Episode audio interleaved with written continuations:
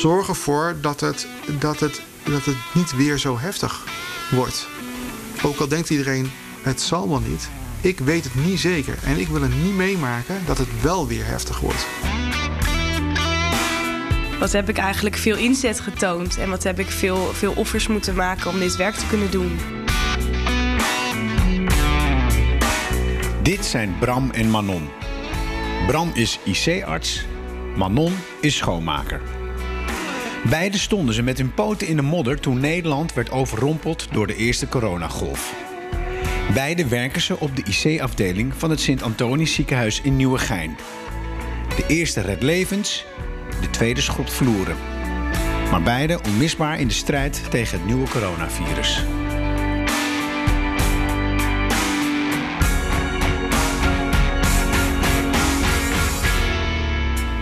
Dit is dag 3 in de podcastserie 10 dagen Sint Antonius. Mijn naam is Harmen van der Veen. Manon hebben jullie al eerder kunnen horen in aflevering 2. Zij komt ook in deze aflevering later weer terug. Maar eerst ga ik in gesprek met Bram, IC-arts tijdens de eerste coronagolf. Toen alle bedden hier op de IC vol lagen met doodzieke coronapatiënten. Bram neemt ons mee naar die tijd, beeldend, betrokken en ook aangrijpend. Wat je hoorde was de beademing. Hè? Dus het beademingsapparaat maakt geluid, de alarmen af en toe.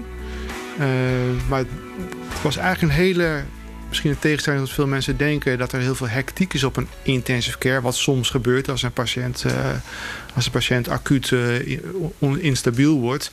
Maar als dat niet gebeurt, en dat was bij COVID-patiënten, die waren eigenlijk heel ernstig ziek, maar wel heel ernstig ziek, stabiel.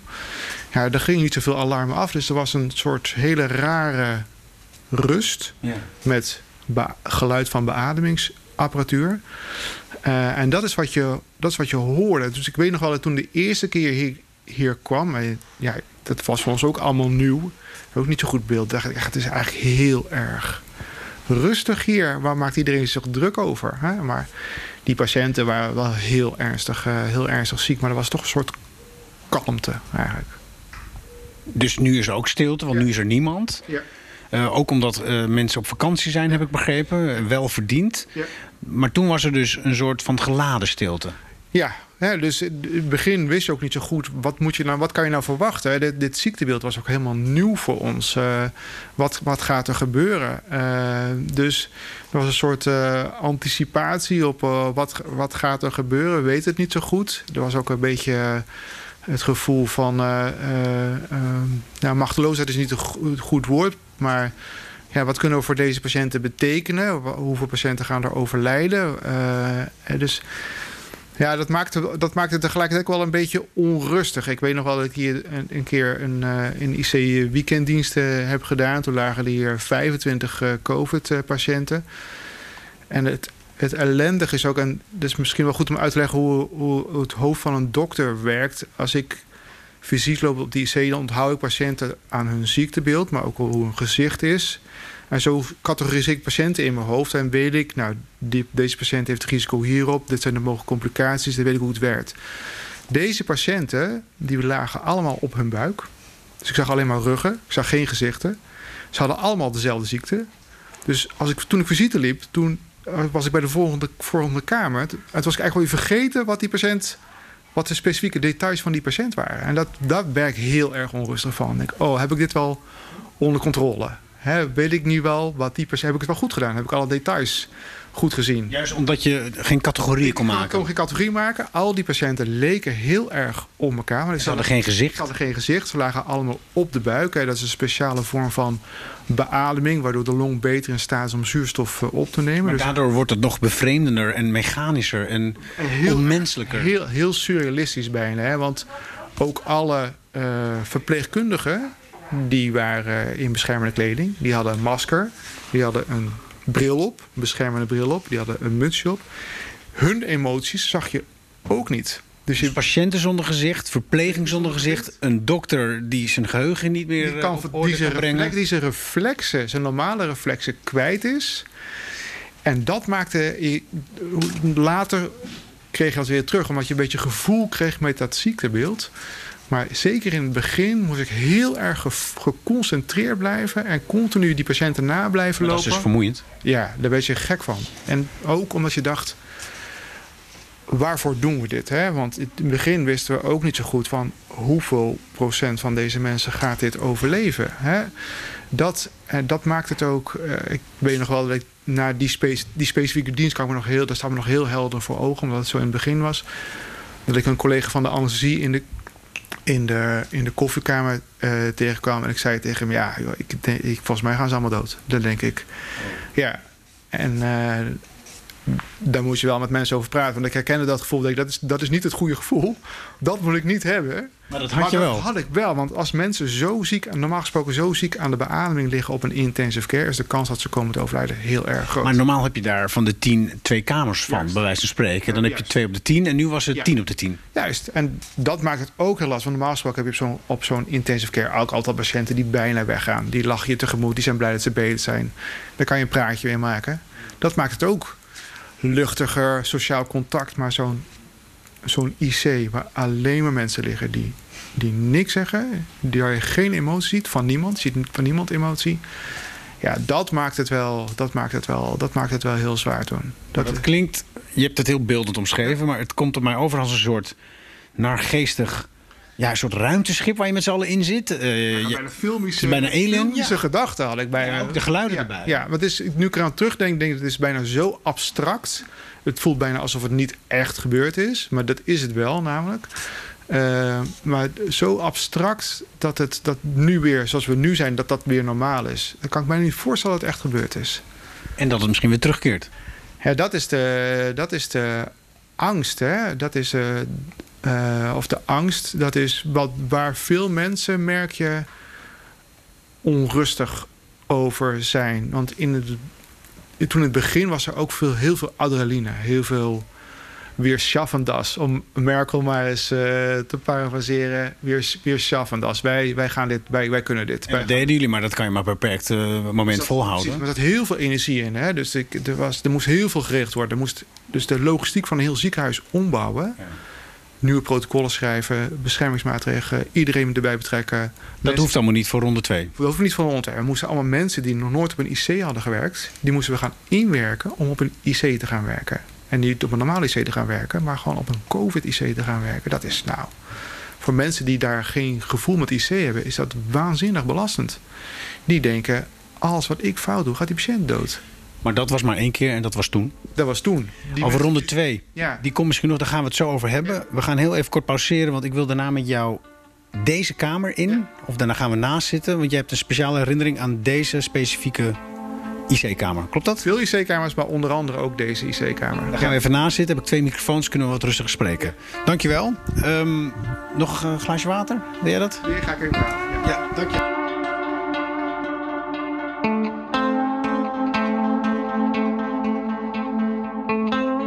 Kamer 106. Vertel eens over die kamer, want jij zei, daar wil ik specifiek iets over vertellen over een bepaalde patiënt. Nou, de, eh, de, het, wat belangrijk is om te vertellen over de, over de, denk over de COVID-patiëntengroep en wat verschillend is ten opzichte van influenza. Daar wordt vaak naar gerefereerd van het is een soort uh, griep of influenza. Uh, dat die patiëntengroep met COVID dat die toch echt wel jonger is dan, dan die influenza-patiënten. In 2017 hebben we een hele grote influenza-epidemie gehad. Toen moet ik goed zeggen, 2017 denk ik. Uh, toen hebben de IC's ook heel erg vol gelegen. Dat is toch een duidelijk andere categorie. Dat waren wel echt meer eind 70ers, begin 80ers met veel comorbiditeit. Maar nu met de patiënten die COVID hadden, er waren toch ook veel jongere mensen. Hè. Er waren mensen die 40, 50, begin 60. Maar allemaal mensen met nog heel veel toekomst. He, mensen, en dat wordt voor dokters dan altijd heel erg confronterend als mensen uit je eigen geboortejaar op de intensive care uh, uh, liggen. Ja. Uh, maar Wat is jouw geboortejaar? 1974. Mijne ja, ook. Ja. En, en dus mensen met in dezelfde levensfases. Mensen met kinderen, met dezelfde hobby's, met dezelfde vakanties, met dezelfde uitstapjes, dezelfde soort vriendengroepen. Um, en dus die patiënten lagen ook op de intensive care. En wat, er dan, wat we altijd prettig vinden, wat we altijd standaard aan mensen vragen, is: Nou, stuur eens wat foto's en stuur eens wat een briefje, dat wij een beetje een beeld krijgen van wat voor patiënt daar hier ligt. Nou, dat is dan aardig als iemand 80 is en uh, leuke foto's met de kleinkinderen. Dan denk je, nou, wat een aardig iemand en wat zit ze gezellig te eten daar zo. Dat je een beetje beeld hebt. Want mensen op in intensive care bed, dat ziet er ineens heel anders uit dan mensen in een normale doen. Maar nu lagen de mensen die heel jong waren, echt in, een verschrikkelijke conditie. En daar zag je gewoon foto's. En op die foto had je zelf kunnen staan. En er werden brieven geschreven. Lieverd, hou vol. Uh, ik weet dat je het gaat redden. Doe het voor ons. Doe het voor je kinderen. Ik weet dat je sterk bent. Terwijl ik eigenlijk dacht... Nou, dat weet ik zo net nog niet. Of dat wel goed gaat aflopen. En dat kwam, is een paar keer dacht ik, oh, ik, dit moet ik niet meer lezen. Dit, is, dit, dit komt veel te hard uh, binnen, ga ik echt last van krijgen. Want dat, en toen had ik niet eens aan mezelf gedacht, want ik heb het met mijn vrouw erover gehad. Van, uh, ben je bang om het zelf te krijgen? Of, nou, dat, dat, was, dat was niet zo. Ik, die angst heb ik nooit gevoeld bij, om het zelf op de IC op te lopen. Want nou, we, we lopen wel een risico, hè, want we intuberen die patiënten. Dus we zijn dicht bij die patiënten die heel veel virus bij zich hebben. Die angst heb ik nooit gehad, maar om, om het domme werken te krijgen, maar wel het, het invoelbare leed van die mensen, de angst van, die, van, van, van familie.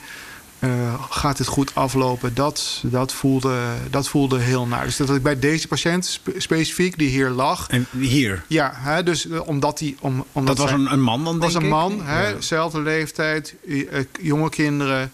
Uh, en en, en een, een, een echtgenoot, een partner, die eigen partner had kunnen zijn. Niet specifiek natuurlijk, maar gewoon omdat het ook iemand is met bijna dezelfde opleidingsgroep. Ja. Hoe, hoe, hoe uh, misschien arrogant dat klinkt, maar de, heel invoelbaar. Omdat het Ja. om dezelfde soort mensen gaat. Die schrijft zo'n brief. En dat had ook je eigen vrouw die brief ook kunnen schrijven. Dus het komt. Het is ineens heel erg. Die angst is heel erg voelbaar. En dat, dat ineens. gebeurde in deze kamer Ja. specifiek? Want ja, hier- dus de, hier- hier maar er, zijn meerdere, er zijn meerdere patiënten. Maar deze Ja. patiënt kan ik, kan ik me heel goed herinneren dat ik dat, dat, ik dat, zo, dat het zo ernstig bij mezelf voelde. Maar er zijn andere kamers ook eh, waarbij ook dat die, dat, die, dat die berichtjes en die, en, die, en die foto's, dat dat zoveel emotie opriep. Te veel? Toen, eh, toen dacht ik, nou te veel, dat, dat, dat denk ik niet. Nou, in die zin, eh, ik denk er nog wel vaak aan terug. Hè? Dus het komt, het, het komt terug. En je moet wel bijna een soort fysiek tegen jezelf zeggen.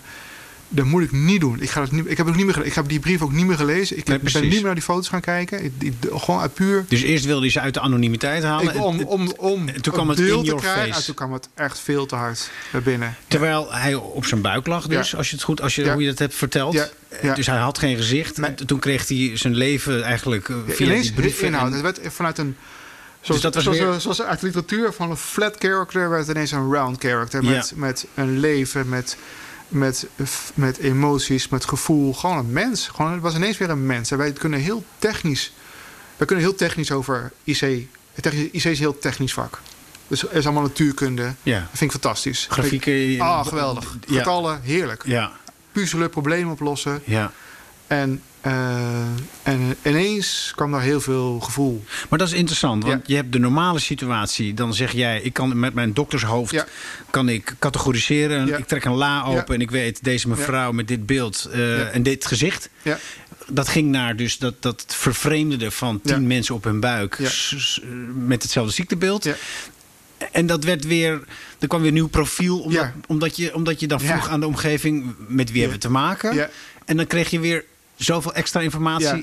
En het waren leeftijdsgenoten. Ja, ik, ik schrok van mezelf eigenlijk. Van want ik dacht, nou, ik heb wel genoeg ervaring als IC-dokter om, eh, om emoties. Kijk, wij zijn geen, wij zijn geen gevoelloze of ongevoelige mensen. Hè? Dus wij hebben echt wel emoties. Maar we hebben wel geleerd in een soort modus te komen dat. eh, om, om onszelf te beschermen. Kijk, bij ons gaan er in normale tijden gaan er, gaat er sowieso bijna elke dag iemand dood. Dat is gewoon, dat is gewoon een getal. Getal. Hier op deze, in op deze de, kamers. Op, op de intensive care. Op, Ja. dit, op dit soort kamers. ja. Het is overlijdensrisico ligt hier behoorlijk hoger Nou, dan ja, eh, daarbuiten. Ja, precies. Hè, zeker. En daar kan je mee omgaan. Net als een automonteur Nou. kan omgaan met een lekke band. Zeker. Dat komt, de- omdat, ik, omdat ik mezelf heb aangeleerd om, de, om mezelf te beschermen. En dat doen jullie. Ik was bij een bespreking net en jullie hebben jargon. Ja, En dat is natuurlijk eh, technisch. Ja. Jullie hebben grafieken Ja. en dat is technisch.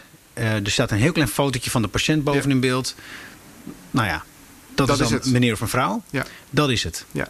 Zo werken jullie. Ja. Maar toen was het even... Ik weet niet waarom, maar ik denk dat het omdat je dat, het, dat de voedingsbodem ook al anders was. Want je was al gespannener omdat de situatie veel onwerkelijker en heel veel anders dan je normale routine was. Eh, dat maakt het dat, je, dat, het, ja, dat het daarom denk ik harder binnenkwam. We hadden ook, wat ook meespeelde, denk ik, omdat we al heel hard gewerkt hadden. Want we hadden heel veel tijd al in voorbereiding, protocollen schrijven, logistiek bedenken. Dus iedereen had al een soort vermoeid, van vermoeidheid, denk Ja. ik ook, over zich heen. Eh, Adeline rust, dus je was al wat kwetsbaarder, denk ik, voor dat soort emoties. Eh, en dat zal, dat zal ook een reden geweest eh, zijn, denk ik, dat het harder binnenkwam dan normaal gesproken. Maar normaal, ja, en, maar de categorie is ook anders. Normaal gesproken spreken met families over iemand. Wat, wat het meeste voorkomt, is dat iemand eh 80 is en een longontsteking heeft gekregen. En nog wel heel goed in het leven stond. Maar als je 80 bent, dan zijn je, je grenzen zijn gewoon wat nauwer. De, de, de reserves waarmee je zo'n zo'n verstoring kan opvangen, is gewoon niet zo groot. Dus de kans dat je komt te overlijden is gewoon groot. Ja. En iemand heeft al een heel leven gehad. Dus zo'n gesprek is ook anders. Deze kamer waar we nu voor zitten, daar lag die, die, die man. Ja. Leeft hij nog? Nee, is overleden. Ja, Ook nog. ja. Ja. Ehm, tja. En die heeft dus, eh, ja. Dat is ook de reden dat we hier zitten waarschijnlijk. Bedoel, ja. Nou, dat had ook. eh, dat hadden, ja, dat, Ja. Er zijn meerdere voorbeelden van, Ja. van, van jonge patiënten die hier overleden zijn. Ja. Tja, nou, dat is grappig. Je hebt me zo meegenomen daarin. ehm, dat ik er echt een soort van nu van schrik. Ja. ja, ik zie het aan je. Ja. Ja, precies. Ja. maar meestal heb ik dan een mooie nog iets erachteraan. Dat, dat, om het dramatische moment te verdiepen of zo. Maar eerlijk gezegd, het, slaat bij mij nu ook binnen. En dat komt gewoon omdat je, hoe, je, hoe je dat uitlegt. En kijk, ik zie de straat buiten. Daar fietsen mensen. Ja, dat is het ook. Ja. En daar ben ik altijd. Ja. Ja. Jij bent hier altijd. Ja. Maar nu ben ik hier voor het eerst ben ik hier. Eh, en ik was hier niet toen het natuurlijk een noodsituatie was. Dat was ook niet wenselijk geweest. Nee. Maar nu ben ik er wel. Ja. En ik merk nu, sinds ik dus in het ziekenhuis mag... en de, nou, de- jullie ziekenhuis werkt daaraan mee... Ja. eh, krijgt dit gebouw een hele andere betekenis... En alle andere ziekenhuizen bij elkaar. En, en, en, en, en zo dicht ben ik er nog niet op geweest. Wat mijn besef van de ernst van dit virus vergroot. Ja, nou, dus, nou, ik weet nog wel, want we hebben elkaar toen tijdens een fietsocht gesproken. Hè, en toen, toen heb ik tegen jou gezegd, eh, zijn jullie al in de ziekenhuizen geweest? Ja, een beetje ja, als, als voorbeeld van dan journalistiek eh, geweest, of van, van, van journalisten. Ja, dan sprak, sprak ik met een woordvoerder die Ja. dan een boodschap had. Precies, hè? Dus, maar we hebben, we hebben vaak met onderling ook over gehad. Mensen moeten weten wat er hier speelt. Hè? Want onze enige zorg is, wij willen, wij, wij willen heel graag voor iedereen intensive care zorg leveren. Maar de bottom line is, ze moeten niet allemaal tegelijkertijd komen. Nee. En wat dat, dan kunnen we het gewoon niet leveren wat we normaal gesproken leveren. En Dat dus heb je de hulp nodig van de mensen door afstand te bewaren, RIVM-regels Ja. eh, te handhaven, naar meneer Rutte te luisteren, zodat jullie je werk kunnen doen. Ja, hè, dus dat, dus dat Maar hoe krijg je die boodschap naar buiten? Want wij, wij, nou, da- daarom, dat was eigenlijk was een beetje mijn insteek om met jou over te beginnen. Niet met het idee dat we dachten, nou, dan komt Harme hier om die podcast op te nemen, helemaal. Maar gewoon uit interesse van. Want we, ik had het idee dat het, zo, dat het zo weinig leeft bij mensen in Nederland, omdat ze eigenlijk niet weten wat, dit, wat het betekent. Echt. omdat het onvoorstelbaar is. Ja. Dat blijkt maar weer. Ja. Ik heb jouw woorden nodig om een Ja. voorstelling te maken Ja. van hoe het hier was. Ja. En het gaat met pet te boven. En omdat we er niet in mogen natuurlijk. Ja. Jullie mogen er wel uit gelukkig. Ja. Met die vlogs, dat was wel echt, echt heel treffend. Dat, dat, dat aan het eind van de dag op televisie. Maar echt, de, de, de echte intensieve verhalen, die hoor je niet. nee. Ik moet wel nu even uitleggen hoe we eh, elkaar kennen en hoe dit zo gekomen is. Jij refereert aan een fietstocht, die hebben wij gemaakt. ehm, eh, nou, volgens mij anderhalve maand, twee maanden geleden Ja. voor de vakantie. Ja. In Drenthe. Ja. Eh, ik ken jou via een andere vriend, een gemeenschappelijke vriend. Ja. En wij zijn gewoon eh, amateur racefietsers. Zeker, ja. Ja. en ik fietste op een gegeven moment naast jou. Eh, we, we, we landen een beetje achter in het peloton.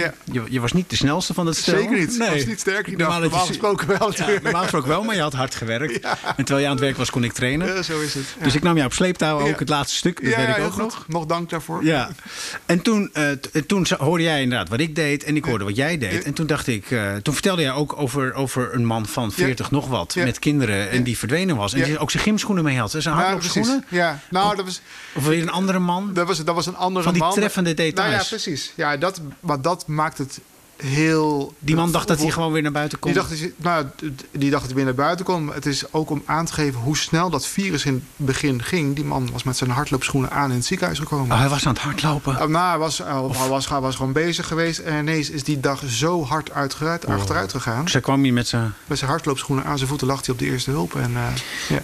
Nou, dat gesprek voerden wij en ik wilde heel graag eh, eh, dichterbij. En toen heb, heb ik met BNR en jouw ziekenhuis Ja. hebben wij eh, nou, deze afspraak voor elkaar gekregen om hier twee weken te zijn. Ja. En nu zit ik bij jou. Ja. En ehm, nu wil ik een ander belangrijk ding weten. Jij hebt dus de samenleving nodig om, om hier het een beetje rustig te houden. Maar nu loopt het weer op. Ja.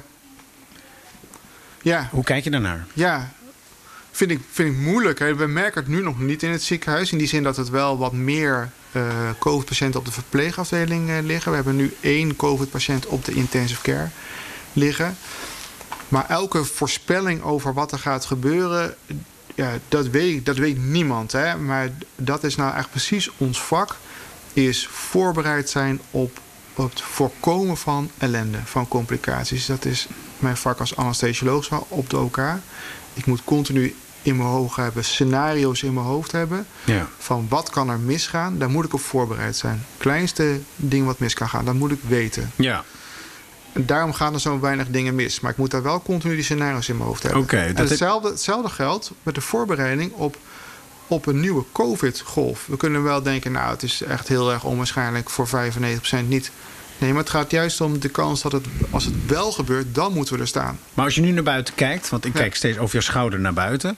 eh, en, en je ziet daar mensen arm in arm, Ja. een- gezellig jong stelletje Ja. die geniet van het leven. Ja, zeker. Eh, wat denk jij dan? Ja, ja dat, dat, dat, nou ja, dat, is, dat vind, ik, vind ik heel lastig, want ik gun het iedereen. Ik gun het iedereen zo. Echt. Dat wil ik, ik wil het heel graag. Ik zou het zelf ook graag willen. Hè? Dus dat, je, dat het er niet is. Maar stiekem zijn zij eh, misschien bezig Ja. met COVID Ja, eh, aan elkaar. precies. En aan Ja. oma en aan vader van 40. Ja, dus, dus, maar dan, het gaat heel erg over nadenken over samenleving en maatschappij. Hè? Wat betekent dat nou? Is het, is het, zijn we gewoon allemaal individuen? Zijn we allemaal liberaal en helemaal vrij? En ik heb, ik heb mijn vrijheden en die moet ik tot in het uiterste kunnen uitoefenen?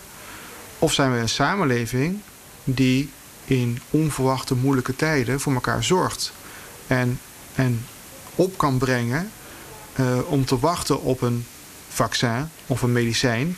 Daar gaat het eigenlijk om. Daar dit- zitten, we, zitten op te wachten. Maar dit is politiek filosofisch, hè, wat je Ja. nu zegt. Ja, maar dat heeft is- bijna niks met, met, jou, met jouw vak nee, maar nou, te maken. nee, oké, de bottom line is. Maar heel dat- interessant. Ja, maar dus, maar wat ik wil, wat ik wil, is dat, er niet, dat die mensen niet allemaal tegelijkertijd komen en dat wij in een, en dat is natuurlijk een soort horror scenario, dat we in een scenario terechtkomen waarin alles zwart is. Hè? Scenario zwart noemen we dat. En Ja. dat betekent dat er zoveel zieke mensen naar het ziekenhuis komen, dat wij en zoveel zieke mensen naar de intensive care komen, dat wij gewoon te weinig bedden, Ja. beademingsapparaten, verpleegend personeel hebben. Maar daarvoor heb je dus een samenleving nodig Ja. die rekening houdt met Die gemotiveerd is Het grote zeggen dat plaatje niet met laten de gebeuren. En de niet-individualistische samenleving. ja, er zijn, kijk, in normale omstandigheden is er heel veel te zeggen voor individuele vrijheden. Iedereen moet kunnen doen wat hij wil en kunnen zeggen en kunnen doen. Maar in uitzonderlijke omstandigheden, ja, dan is het ook zaak om aan elkaar te denken. Dan zijn we toch niet allemaal in een losse groep individuen, maar zijn we een groep mensen bij elkaar. Maar nu lijkt dat wat af te brokkelen en Ja. keren Nou, we weer terug naar onze, eh, Ja. ja, onze, Nou, ja. onze individuele samenleving, waarin, waarin iedereen. Ja, nou, het is heel interessant wat er, wat er gebeurt, toch? Kies ik voor mezelf of kies ik voor, eh, kies ik voor de onbekende anderen? Dat is het eigenlijk. Daar komt het op neer. En de onbekende andere, ja, Ja. die is onbekend. En onbekend Is- maakt onbemind. Ja. Ja. Maar die meneer die hier lag, ja, die was wel heel bekend voor mij. maar jij bent een arts, jij Ja. zit daar bovenop. Ja. Jij houdt die rekening wel eh, met die anderhalve meter. Ja. Ik ben journalist, gelukkig lukt het mij om mij te informeren en ben ik bijna net zo dichtbij als jij. Ja. En alle mensen die dit horen. Ja. En dan nog is Ja. er een eh, eindeloze grote groep die, eh, Ja. ja, I don't care. Ja. Maar, en hoe- je kan het ze niet eens kwalijk nemen. Nee, want ze merken het niet. Het is, eh, ze kennen niemand die ziek is. Ze, ze zijn zelf niet ziek geworden. Heb jij echt een opdracht ge- gevoelsmatig om dit naar buiten te brengen? Voel je dat als een plicht? Nou, wat de, een angstscenario wat ik in mijn hoofd heb zitten... is dat ik hier s'nachts eh sta en, dat ik... en ik weet niet of dat realistisch is... maar dat ik hier s'nachts sta en tegen iemand moet zeggen... die ik normaal gesproken op die C had opgenomen... ik, ik, heb, ik, eh, ik, ik heb geen plek voor je. Nou, ik denk dat sommige mensen dat geen leuke boodschap gaan eh, vinden. Eh, ik denk dat je misschien zelfs wel bijna het leger erbij kan halen. Want dat gaan sommige mensen echt niet grappig vinden. Maar, Maar- dat, die situatie, daar wil, ik, niet- daar wil ik niet in terechtkomen. En heel veel collega's van mij die willen in die situatie niet terechtkomen. Hè, dus dat moeten, we, dat, moeten we, dat moeten we zien te voorkomen. En als het enigszins kan, moeten we het zelfs zover zien te voorkomen... dat we ook gewoon nog normale zorg kunnen leveren aan patiënten die geen COVID hebben. Die een ernstige hartaandoening hebben. Maar daarvan zei jij ook al iets interessants. Er zijn ook mensen doodgegaan die jij helemaal nooit gezien hebt. Maar die hier wel gelegen hadden moeten hebben.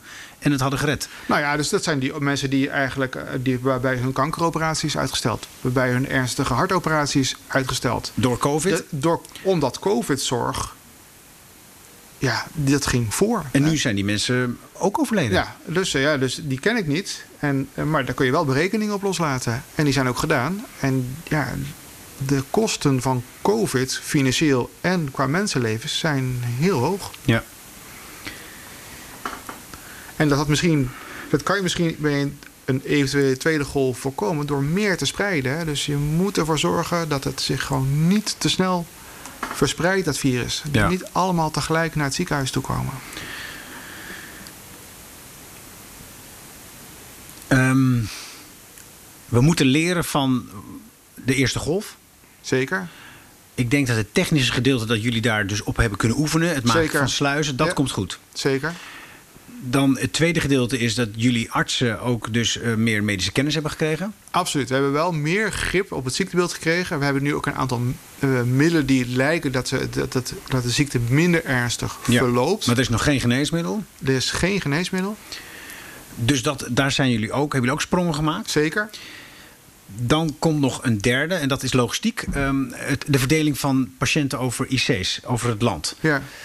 Ik heb begrepen van de bestuursvoorzitter dat dat, dat, dat beter kan. Dat dat ook beter moet. Ja. Wat heb jij daarover te zeggen? Nou, eh, ik denk dat je het heel erg aan de, aan de regio's moet overlaten. Dus er zijn eh, acute zorgregio's verdeeld, land verdeeld in regio's. En ik denk dat je de verdeling in de regio's on- regionaal onderling moet afspreken. En dan die mensen kennen elkaar ook.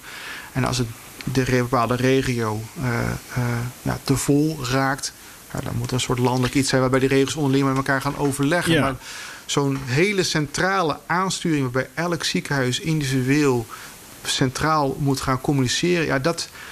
Ja, er ontstond soort, een soort. Ja, zo'n term voor, dat heet de fog of war. Hè? Dus ontstaat er echt chaos. Want Ja. niemand heeft het overzicht. Er ontstaat heel veel ruis. Ja. Ik denk als je het op een kleinere schaal organiseert. En als die regio vol zit, gaat, of dreigt vol te raken, dan gaat communiceren met andere regio's. Ja. Dat dat veel beter gaat. Dat denk ik, dat is mijn, dat is mijn gedachte erover. Oké, dat is interessant. Want er zijn mensen die zeggen, je moet juist van... Je moet juist naar centrale aansturing. Ja. ja, ik denk dat dat heel chaotisch wordt. Dat dat te groot is. Ik denk dat het beter in de regio's, in die acute eh, ROAS. Oh, dat ben ik. Oh, dat is mijn parkeermeter. Oh, Die moet ik zo... eh, Dat zijn, dan ben ik degene die gepiept wordt. Ja. Heel belangrijk. Ik doe even een stapje terug, eh, Bram. Ja. Ehm, dus dit onderwerp gaan we misschien een beetje dubbelen, lijkt het. Er is een discussie nu op scherp gesteld door corona... over de marktwerking in de zorg Ja. en centrale aansturing. Ja. Bij de bevoorrading van eh, Ja. gezichtsmaskers liep dat niet helemaal lekker. Toen kwam de centrale aansturing. Dat ging toen goed tijdens de crisis. En nu zijn er mensen die zeggen: oké, laten we gewoon stoppen met die marktwerking en weer terug naar centrale aansturing in heel Nederland. Eén grote pot geld. Alle mensen die belasting betalen daarin. Eh, efficiëntie even wat minder belangrijk. Maar als er maar, als er maar spullen zijn, zullen we zeggen. En zorg. Hoe kijk jij daarnaar? Kijk, een- een- welk model je ook voor de zorg kiest, elk model heeft voor- en, en nadelen. En zo'n marktwerking in de zorg, als er geen crisis is, is dat prima. Is een model met zijn voordelen en zijn nadelen. Terug naar het oude ziekenfonds heeft ook voordelen en nadelen. Ik denk dat zodra je zo'n crisis hebt, dan moet je zeggen, dan gaat de marktwerking eventjes, die parkeren we eventjes. Mhm. Wij zeggen als overheid slash verzekeraars... jongens, financieel is het geregeld. Ga maar doen. Ga maar zorg leveren. Gaan we de rode laat alle, in? Laat alle bedrijfseconomische overwegingen... laat die maar even vallen. En als de crisis weer achterwege is... dan zijn de kosten die jullie gemaakt hebben... die zijn betaald. En dan gaan we weer de overal ter orde van de dag. En dan gaan we weer, als er normale zorg geleverd wordt... dan gaan we dat marktwerkingmodel weer Dus doen. eigenlijk kortstondig even naar zoals het ooit was. Ik denk dat dat een heel model... want het geeft heel veel rust bij ziekenhuizen. Met wel een bak schuld. En een eh, negatieve het is- balans. Ja, maar het is niet de schuld van de ziekenhuis dat er corona is. nee, hè? maar Dus- rode cijfers schuld. Ja, maar dat is, het is gewoon een maatschappelijke schuld. Hè? En dus ook een het is maatschappelijke... ons als maatschappij overkomen. Dus we moeten het met z'n allen regelen en, en, en, en betalen. Zo zie ik dat dan maar. En de kosten die daarvoor gemaakt worden, die moeten we als samenleving eh, eh, dragen. En dan is op zo'n moment is efficiënt denken, of dat is, moet je altijd doen, maar je, dan zijn bedrijfseconomische motieven in zo'n crisissituatie, dan zijn net- niet de juiste, Nu juiste even niet. overwegingen. Nu even niet. Nu gewoon alles. Wat is er nodig om de juiste zorg te leveren, de juiste spullen aan te schaffen, de juiste mensen eh, zorgen dat er voldoende handen aan bed zijn, voldoende overtijd uit Maar de betalen. rekening moet dan ook naar de juiste mensen. Ja, de rekening Maar- moet dan naar de overheid. Ja, de- de wij weer, de samenleving. samenleving, ja. Het is de En- samenleving maar ook dus overkomen. de, de, de kosten dus omhoog in algemene zin. Het is niet anders. Het is niet de schuld van het ziekenhuis dat er komen. En vertrouw jij de bestuurders dan? Dat ze niet in oude reflexen vervallen van eh, daar gaan we. En de verzekeraars die zich stilhouden en dan zo de rode cijfers induiken. En, en, en daarmee ja, toch de crisis vergroten? Ja. Nou ja, dus, dus eh, hier is het zeker niet gebeurd. Want er Nee. is, er is, we hebben gewoon, we hebben daar nooit, eh, we hebben nooit een belemmering gehad. Of doe niet. Of Nee, zorg, zorg ervoor dat je niet een coronaziekenhuis wordt. Jullie hebben dus nooit tekort gehad, hè? we hebben geen tekort. We Wel zijn- spanning. Spanning. Ik ga ook van- praten nog met de verkoop. Ja, dus, maar er is zeker Inkoop. wel dat er, dat er berichten waren van nou, we hebben nog voor twee dagen spullen. Of, eh, hè, dat, dat, hè. Maar we hebben nooit. Dus net allemaal, het is net allemaal op tijd gegaan. Ja. Eh, net op tijd eh, konden we weer opnieuw spullen hergebruiken. Opnieuw steriliseren, hergebruiken. Ja. Voldoende, net voldoende mondkapjes. Eh, dus dat is altijd wel goed gegaan. Ja. Bram, van de fiets naar eh, de IC. Ja. Eh, je bent voor mij wel dezelfde man, uiteraard. Toen zei je, ik, ik zou het mooi vinden als je komt. Ik ben er nu. Ja. Heb, zou, jij, ja, ik, zou je een boodschap hebben voor mensen die deze podcast aanzetten? Wat is je kernboodschap? Wat, als ze dit allemaal gehoord hebben, wat, wat, wat wil je het liefst dat ze onthouden? Nou, ik denk eigenlijk wel wat we het al eerder over, over hadden. Ehm, je hoort veel in de media over. Het is allemaal niet zo ernstig. Eh, het zijn die doorhoud eh, term heeft me ook heel erg geïrriteerd. Dat was Ehm, op BNR, onze columnist. ja, da, maar dat, da- ja, ik begrijp dat af en toe een knuppel in het hoenderhok eh, goed is, maar dat heeft heel veel mensen heel erg veel pijn gedaan, denk ik. Eh, die, hier, die betrokken waren in, in de zorg, die weten wat voor patiënten hier gelegen hebben, wat, wat families hebben doorstaan. Eh, ook patiënten die het overleefd hebben, die hier, sommige mensen hebben hier twee maanden op de intensive care gelegen. Maar misschien ga je nog met een patiënt praten die er, eh, die er zo lang gelegen heeft. Die mensen hebben in waanzinnige inspanningen eh, geleverd. Ja, zo'n doorhouddiscussie, dat, dat impliceert bijna alsof het je eigen schuld is, alsof je hier ligt. Het is die mensen overkomen. Die hebben echt een live event meegemaakt. Sommige mensen hebben het gewoon niet overleefd. Heel veel mensen zijn die overleden eh, hier. Er zijn waanzinnige individuele drama's. En wat moet de podcastluisteraar van jou Je moet weten onthouden? dus, ja, dat, eh, dat, dat. Nou, ten eerste eh, dat het echte mensen zijn.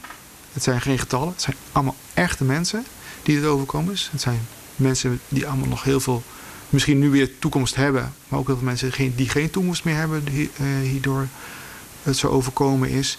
En de tweede, zorg ervoor dat het, dat het, dat het niet weer zo heftig wordt. Ook al denkt iedereen, het zal wel niet. Ik weet het niet zeker. En ik wil het niet meemaken dat het wel weer heftig wordt. Want niemand kan zeggen dat die kans 0% is. Dat gaat ook niemand zeggen, want het is namelijk niet zo. En dat is, dat is zo belangrijk. En, en denk echt dat we op moeten brengen met elkaar om nog even vol te houden. Dan is het maar even zo. Uh, en dat is ook dat, dat grapje in het begin van uh, je open werd gevraagd om naar uh, de loopgraven te gaan. Jou wordt alleen maar gevraagd op de bank te zitten. Dat is misschien grappig, maar eigenlijk is het wel waar het over gaat. Soms vragen externe omstandigheden om buitensporige dingen die je moet doen.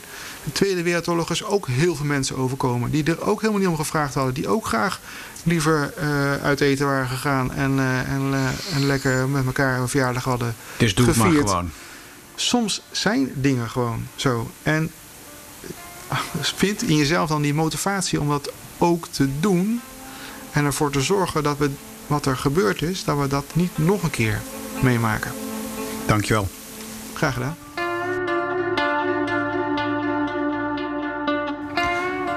Niet nog zo'n golf aan COVID-19 patiënten. Dat is de boodschap van IC-arts Bram. Helder en duidelijk. Zo'n tweede golf, alsjeblieft niet nog een keer. Stel dat hij er wel komt. Is Bram er dan klaar voor? Maar ook, is Manon er dan klaar voor? En ik had al beloofd bij haar terug te keren. Manon, de schoonmaakster van de IC-bedden en de kamers. Met haar zit ik in de koffiekamer. Je mag hem zo voor je neus zetten. Ongeveer, ja, je mag hem inderdaad, ja. Zo is het goed. Zo, toch? Ja, Ja. Moet ik de deur even dicht ja doe maar even, ja. Want, eh, Anders hoor je de deur ook steeds. ja. Zo. We zitten even in een rustig kamertje. Je hebt even wat water gedronken voor je keel. Ja. Deze periode moest ik altijd, altijd even ja, een beetje opletten als iemand ging hoesten. En mensen werden zelf ook altijd een beetje zenuwachtig. Want je zou toch maar eens corona oplopen. Nou zitten we op een grote afstand. Ben jij bang geweest om corona te krijgen? Zeker in het begin. Het is natuurlijk eh, ja, best wel spannend om zo in het hol van de leeuw te zijn, zeg maar. En ik eh, ben eigenlijk PABU-studenten, dus normaal gesproken sta ik voor de klas. En eh, ik vond het werk in het ziekenhuis te gevaarlijk om te combineren met die kleintjes die ik door de week heb. Want dat deed je al. Je had eigenlijk twee Ja, student Pabo en werken hier. ja dit, was, dit is een bijbaantje voor mij. Dus dat, is, nou, ja, dat viel dan wel echt weg, omdat ik stage dan wat dat betreft belangrijker vind. En ik vond die combinatie toch wel echt heel pittig. Tot op een gegeven moment eh, mijn vader belde. Die werkt ook hier in het ziekenhuis. Eh, half in paniek dat hij zegt... ik weet dat je het ziekenhuis wilde vermijden... omdat je het spannend vond. Maar we zitten echt heel hoog. En ik zou het toch heel fijn vinden als je kunt bijspringen Wat doet vannacht. hij dan hier? Hij is eh, hoofd van de beddencentrale. Dus hij helpt ook eh, in de leiding geven van schoonmaak. Aha. Ja. Maar jij had die kinderen waar je verantwoordelijk voor was. Ja, dus dat was echt wel een dingetje. Dus ik zeg, nou ja, weet je, als jullie echt heel hoog zitten, dan wil ik dat best wel doen. Het, moeilijkste voor mij was op dat moment dat het s'nachts was. Ik had nog nooit een nachtdienst gedraaid. Ik denk, trek ik dat wel? Eh dan kan ik wel tegen zo weinig slaap. Hoe gaat dat dan s'nachts in het ziekenhuis? Dus er, spookten meer vragen rond. En je moest ook op de COVID-afdeling werken. Ja, dan moest ik eh, een van de schoonmakers helpen. Eh, dat was meer eh, op de spoedeisende hulp. Het collegaatje waar ik mee werkte, die had de nacht ervoor alleen gedaan. En dat was echt te zwaar. Dus er moesten nu twee man komen. Voor de mensen die eh, van buitenaf bij de spoedeisende hulp zich melden met eventuele coronaklachten. Dat moesten jullie schoonmaken daar waar die Wij moesten die kamers dus inderdaad schoonmaken. Maar jij wilde juist zo ver mogelijk afblijven van, van corona en covid-infectie. Want je bent student Pabo, je staat voor Ja. de klas. Ja, dus dat was dat is een hele belangrijke afweging. En eh, ja, er is een soort van adrenaline geweest in het begin dat je denkt, we gaan, we gaan ervoor met z'n allen en let's go. En nou, dat was ook wel een beetje een drijfveer van, oké, ze hebben me nu echt nodig. Hier ik moet mijn mannetje gaan staan, ja. En de kinderen, nou ja, scholen gingen dicht natuurlijk. Juist, toen op een gegeven moment de scholen dichtgingen, dacht ik, nou, dan kun ik wel hier aan de slag. En was je nog wel bezig met dat virus, wat je dan kan oplopen? Want je zei het zelf net al, je ging naar het hol van de leeuw. Ja, toen ik op een gegeven moment op de IC stond voor vast, voelde ik me eigenlijk veiliger dan waar dan ook in het ziekenhuis. En dat klinkt heel gek, omdat ik heel dicht bij coronapatiënten ben geweest. Maar uh, je, bent eigenlijk, je kan niet onbeschermd de afdeling op. Laat staan dat je een coronapatiënt dicht bij je hebt, zonder dat je beschermd bent met goede middelen. Dus ik had daar wel echt vertrouwen in. Ook in die bescherming?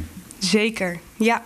Want ik heb ook uh, verhalen gehoord van uh, meiden van de verpleegafdeling, uh, van de roomservice.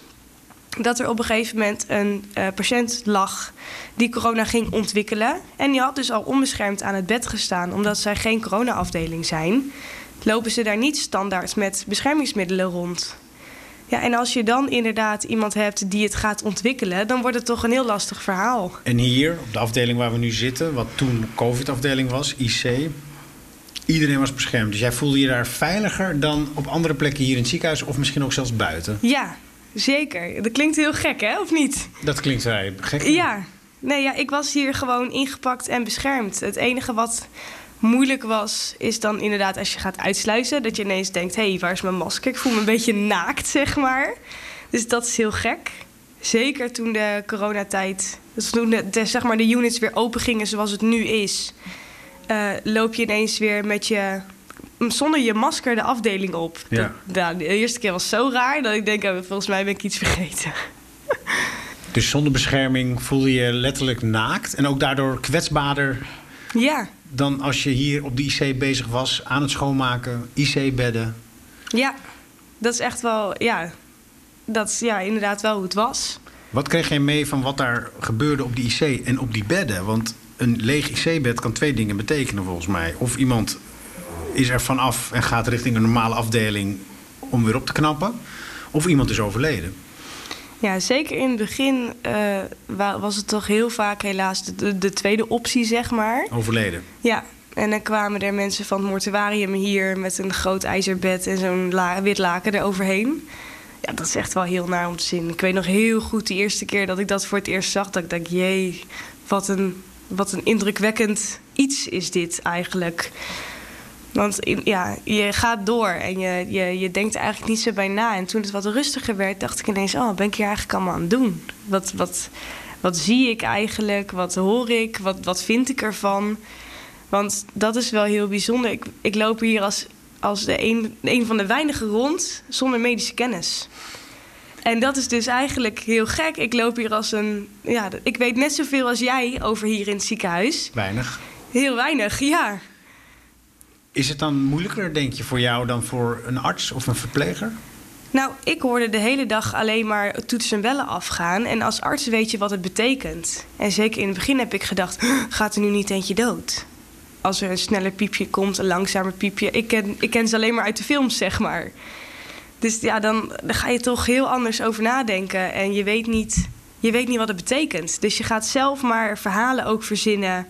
Je bent ik was dan uh, in mijn hoofd alleen maar aan het malen en aan het kijken van...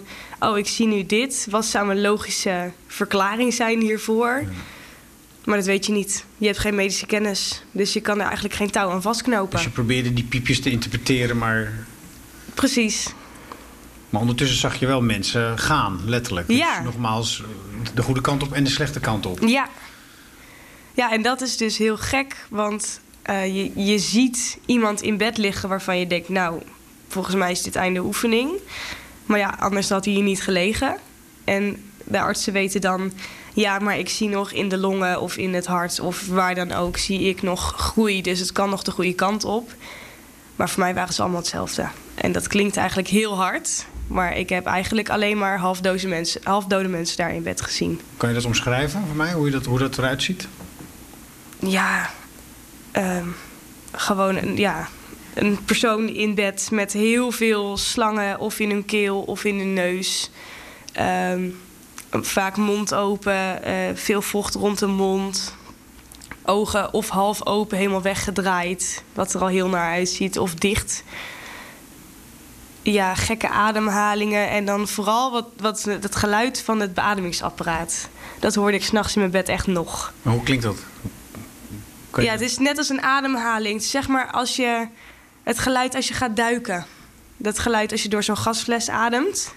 Ja, Dat geluid. Ja, zoiets. oké. Dat geluid, dat, hoor, dat hoorde ik in bed nog. Vervreemdend. Ja, Maar als je dat in bed nog hoort, dan ben je dus continu aan het werk. Want als je hier bent, dan hoor je het. Dan ben je thuis, dan hoor je het nog steeds. ja. Kon je wel uitrusten dan? Kon ik wel uitrusten? Ja, dat is een hele goeie. Ik heb hier. Ik was in principe twee dagen in de week hier aan het werk. Dus uitrusten van werk ging eigenlijk goed. Maar ik had er nog gewoon nog heel veel dingen naast ook. Omdat ik dus eigenlijk gewoon nog student ben. En ik moest ineens mijn studie thuis gaan doen.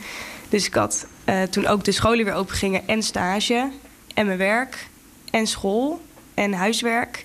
En dan had ik ook nog gewoon een privéleven. Het sociale gedeelte viel dan een beetje weg. Maar ik moet ook nog gewoon mijn huishouden doen en dat soort gekke dingen. Maar kon je dat volhouden?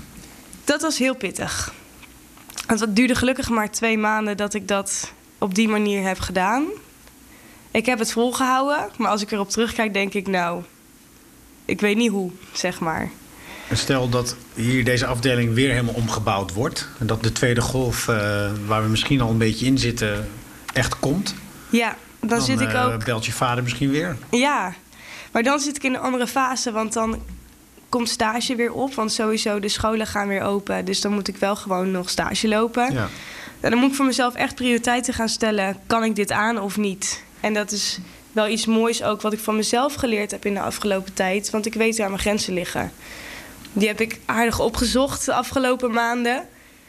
Maar eh, dat is eigenlijk ook wel heel goed. Maar een grens herken je. Op het moment dat je er overheen bent gegaan, dan kijk je terug en besef je daar Ja. was de grens. Kan je daarover vertellen? Hoe- je daarachter kwam dan en hoe je er overheen bent gegaan?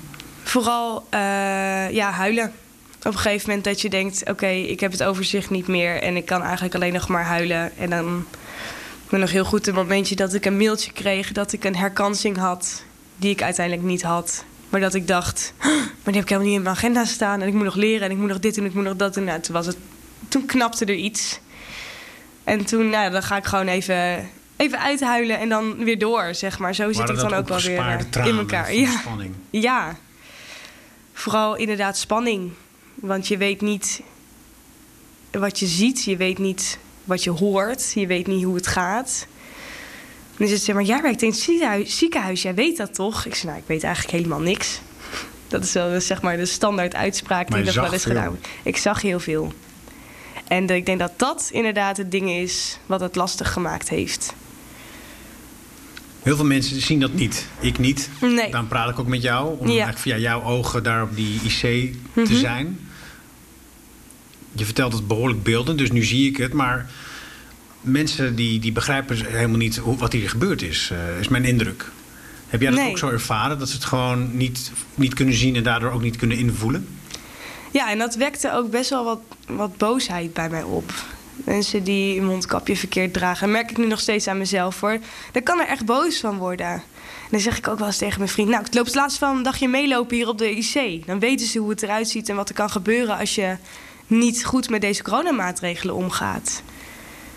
Dat, ja, dat zou ik eigenlijk tegen heel veel mensen wel eens willen zeggen. Ja, dat er mensen achter in de bus zitten, twee jonge meiden die zeggen: Je moet hoesten, dat is grappig. Ik dacht, nou, als ze dat, als ze dat doen, dan draai ik me echt om. Ja? Ik kan daar heel boos van worden. dat ja. ving je op. ja, die zaten achter mij. Ik dacht, nou, als ze dat flikken, dan, dan draai ik me echt om. Ja, dus er voelt ook een soort van boosheid. En, maar ook een beetje onwetendheid. Want ik weet niet of maskers helpen of niet. En, maar wie weet het wel? Dat is de grote vraag. Maar het voelt, het voelt gewoon heel raar. Als mensen er een beetje lak aan hebben aan al die maatregelen. Dat ik denk, als het goed misgaat, moet je hier eens even een dagje kijken wat het met je kan doen. Kom jij in aanmerking voor die duizend extra euro... die het kabinet aan de verpleging en aan schoonmakers heeft gegeven? Eh, ik ben er bang voor dat ik da- dat niet krijg, omdat ik een eh nul contract heb en ik eigenlijk flex werk hier. Dus in principe niet eh, vast hier in dienst ben in een, zeg maar met een urencontract. Dus de kans is heel groot dat ze mij hierin overslaan. Wat vind je daarvan? Jammer. Aan de ene kant denk ik, eh, 1000 euro, daar gaat niemand nee tegen zeggen, is altijd lekker. Zeker als student zijnde is het altijd welkom. Uh, aan de andere kant is het extra geld, heb ik er niet op gerekend. Is het eigenlijk alleen maar mooi meegenomen. Ik heb gewoon betaald gekregen tijdens mijn werkzaamheden hier. Dus het is extra. Dus ik vind eigenlijk niet dat je dat kan, kan eisen. En nee, maar het signaal is wel vanuit de politiek en de Kamer. Ik onderbreek je even, sorry. Ja, geeft niet. Juist deze mensen verdienen onze extra liefde en aandacht. Ja. En geld. Ja. De schoonmakers. Ja. Maar jij dus even niet. Nou, ik, als ik zo arrogant mag zijn, vind ik dat ik het wel zou verdienen. Want ik heb hier wel echt uh, ruim maanden gestaan, ingepakt en wel uh, hard gewerkt. Ik heb extra inzet getoond en ik denk dat dat wel ook wel een, een graadmeter is. Uh, ik heb extra gewerkt, ik heb extra mijn best gedaan hier. Ik heb extra maatregelen moeten nemen om te kunnen werken hier op de IC. zoals het aan- en uitkleden, noem het maar op. Dus ik, ik, ja, ik zou het wel verdienen, denk ik. En ook wel risico gelopen, want nogmaals, het was het hol van de leeuw. Ja. En dat, daar zat jij. Ja, ja zeker. En ik heb daar ook, dus ook dingen voor moeten laten. Uh, zowel privé als dingen met stage. Ik heb mijn huiswerk op een andere manier in moeten plannen. Ik noem maar een dwarsstraat. Ik heb op andere dagen uh, mijn online colleges moeten volgen... omdat ik hier in het ziekenhuis was. Ja. En gelukkig heb ik een, een, mentor gehad die dat op de voet gevolgd heeft... en er me heel goed daarin kon begeleiden. Maar ook wat dat betreft zou je die compensatie niet alleen financieel... maar ook ja, wel waarderen ja. als, als, als, gebaar. Ja, ja, zeker. Als je nou terugkijkt, hè, dat je, mm dat, je, je hebt dus heel intensief al die maanden... Zat jij, ja, zat je ja, de front, hè, hoe zou je het zo noemen? Je zat echt, echt bovenop op het vuur. Ja. Zie je dat zelf ook zo? Nu ik erop terugkijk wel. Net wat ik zeg, eh, begin, dat was voor mij normaal. Zo van, oké, dit is de IC, zo werkt het hier, zo, zo gaat dat. Maar als ik er nu op terugkijk, denk ik, jeetje wat heb ik eigenlijk veel inzet getoond en wat heb ik veel, veel offers moeten maken om dit werk te kunnen doen. Ja. Dus dat was echt wel een dingetje, inderdaad. Maar ik ben er wel heel trots op. Ik ben trots op mijn werk. Ik ben trots op mezelf. Ik heb gewoon dit jaar afgemaakt en al mijn opdrachten ook ingeleverd naast mijn werk in het ziekenhuis. Dus ik heb gewoon echt keihard gewikkeld. En uh, ja, daar pluk ik nu de vruchten van. En ja, dus ik ben daar gewoon heel trots op. Hartstikke goed gedaan. Dankjewel. Graag gedaan en dank voor dit gesprek. Heel graag gedaan. Yes. Goed man. Ja. Ja. Ja, dat is echt top. Topper Manon. Schoonmaakster op de IC-afdeling van het Sint-Antonius ziekenhuis in Nieuwegein. Belangrijk werk. Mede mogelijk gemaakt door de beschermende kleding die zij draagt. De spatbrillen, de mondkapjes en de steriele schorten. Zonder die kleding mocht Manon überhaupt de afdeling niet op. Maar wie bevoorraadt Manon? Ja, dat zijn slapeloze nachten letterlijk. Want als je medewerkers niet veilig zijn, dan, dan, dan kun je ook geen veilige patiëntenzorg verlenen. Morgen spreek ik Bjorn. Hij is hoofdinkoop van het ziekenhuis en ook hij stond met zijn kop vol in de wind tijdens de coronacrisis. Maar dat hoor je morgen veel uitgebreider. Dan loop ik een ochtend mee in het magazijn van het ziekenhuis. Ook weer een cruciale afdeling van een goed draaiend ziekenhuis in coronatijd. Dit was dag 3. Tot morgen.